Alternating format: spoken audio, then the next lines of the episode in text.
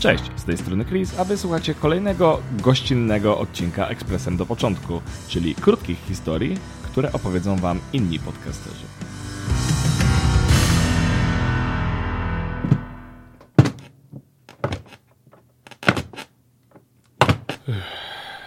W końcu.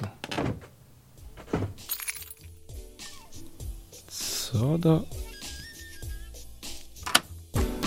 To jesteś chyba ty, papik wjeżdża bit wybuchowy, jak nitro, szalony, jak krypto szybki zysk, jak Bruce Lee, daję pysk, kitram się w trawie zielonej jak kanabis, twoja chrabąszczyca, wiadomości wysyła mi. Możesz mi łaskawie powiedzieć, co robisz z moim mikrofonem? O, siema mordziaty.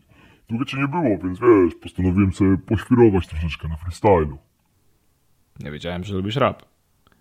A co ty kleisz, typie? Myślisz, że skąd się wzięło określenie chrabąszcza muza?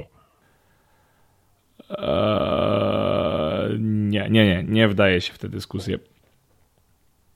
Ty w ogóle znasz historię rapu? Podaj mi ten winyl. Nie, nie ten. O, ten. Agata Solecka. Dekonstrukcja podcast. Lecimy. Aha. Koniec z twoim drewnianym flow. Już nie rapujesz. Teraz zamiast tego samplujemy. Eee, drewnem to ty jesteś w piłę, koleżko. Ej, a wiesz jak nazywa się rapujący muzułmanin? Arab.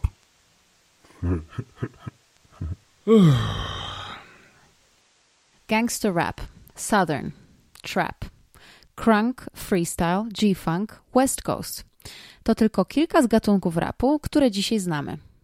Termin rap, często mylony z terminem hip-hop, oznacza rapowanie lub rymowanie. Jest to muzyczna forma wokalna, inaczej melorecytacja, która ma w zasadzie trzy najważniejsze elementy składowe. Słowa i zdania ułożone w rytmiczne sekwencje, rymy oraz uliczny slang. Kombinacja tych elementów wypowiadana lub śpiewana jest na różne sposoby. Zwykle w rytm akompaniamentu muzycznego, tak zwanego bitu. Rap analizowany jest zazwyczaj pod kątem jego treści, czyli tego, co się mówi, tak zwanego flow, czyli charakterystycznego sposobu rytmizowania oraz rymowania, oraz delivery, czyli tonu, wyrazu emocjonalnego, albo prostszym językiem tego, jak się mówi to, co chce się przekazać. Rap jest głównym składnikiem muzyki hip-hopowej, ale warto wyjaśnić, że sam termin hip-hop odnosi się do o wiele bardziej złożonego zjawiska kulturowego, składającego się głównie z czterech elementów. DJingu, rapowania, malowania graffiti oraz formy tańca, jaką jest b-boying. Napomnę, przyciąga miliony ludzi wszystkich kultur Cztery elementy dały siły do buntu. Ta kultura mnie ciągnie pod każdym kątem. Break, graffiti, rap, zawsze jestem kątem. Na murach, parkietach, głośnikach, frontem Przez ostatnie 40 lat rap z elementu niszowej subkultury przeszedł do mainstreamu i dziś ma bardzo mocny wpływ na kulturę, sztukę, muzykę i nawet codzienne życie milionów ludzi na całym świecie. Jest to zjawisko muzyczne, które wciąż zyskuje na popularności na całym świecie. Mówi się nawet, że rap to nowy pop. Jeśli spojrzeć na top 50 popularnych filmików na YouTubie w kategorii muzyka, w praktycznie każdym kraju na świecie 80% tych filmików to są teledyski raperów. Warto więc wiedzieć, jakie były rapu początki. Rap ma afrykańskie korzenie. Wieki zanim istniała muzyka hip-hopowa, grioci z Afryki Zachodniej przekazywali dalej historię przy akompaniamencie muzyki czy rytmicznego klaskania.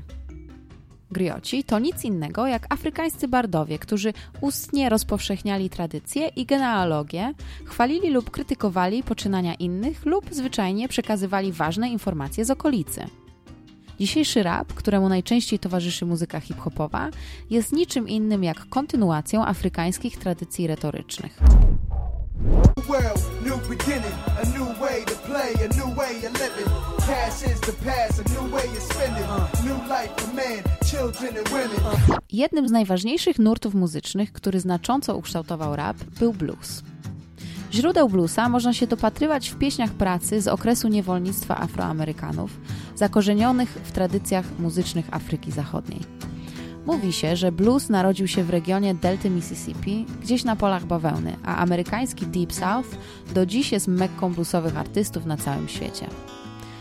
Historyk bluesowy Elijah Wald twierdzi, że blues zawierał w sobie elementy rapu już w latach 20. XX wieku. Godnym odnotowania przykładem rapowania w muzyce bluesowej była piosenka Joe Hill Louisa z 50 roku pod tytułem Let You Go. Gotta go to jail, cause I don't care when I'm tired of messing with you.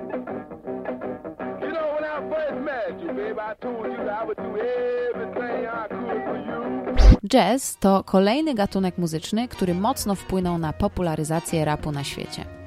Powstał na bazie bluesa i innych afrykańsko-amerykańskich i europejskich tradycji muzycznych na początku XX wieku.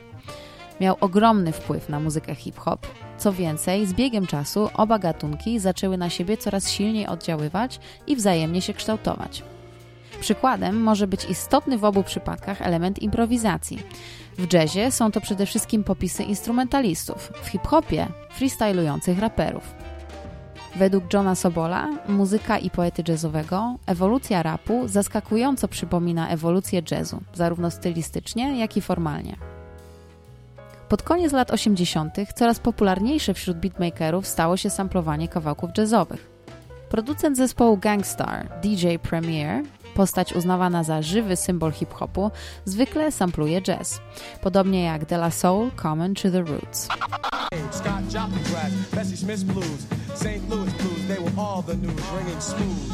In all the listeners' ears, fulfilling the needs and planting the seeds of a jazz thing. Mało kto wie, że formy sztuki, takie jak mówiona poezja jazzowa i ogólno pojęta komedia i kabaret, również miały duży wpływ na pierwszych raperów. Coke Rock, często uznawany za pierwszego MC hip-hopu, wymienia wśród swoich wpływów nie tylko The Last Poets, ale takich komików jak Wildman Steve i Richard Pryor. Komik Rudy Ray Moore, który działał w latach 60. i 70., wydawał utwory, które zawierały sprośne, erotyczne rymy opowiadające anegdotki z życia Alfonsów, prostytutek, graczy i hustlerów, co sprawiło, że niektórzy nazywają go dziś ojcem chrzestnym rapu. Oprócz oczywistych wpływów formalnych i muzycznych, to co łączy rap z bluesem i jazzem najbardziej, to fakt, że stał się on kolejną doskonałą formą ekspresji dla czarnej społeczności w Stanach. Rozkwit rapu do formy takiej, jaką znamy dziś, miał swój najintensywniejszy czas w latach 70. oraz 80. w Nowym Jorku. Wraz z pojawieniem się i ogromną popularnością kultury oraz muzyki disco, mocno zdominowanej przez społeczność białych, pojawiła się również kontrkultura hip-hopowa. Można powiedzieć, że wyrazisty gatunek na dobre zaczął się tworzyć od nagrania The Message, singla wydanego w 1982 roku przez grupę Grandmaster Flash and the Furious Five. The Message nie był pionierskim utworem rapowym, ale był pierwszym, na który tak szeroko zareagowały amerykańskie media.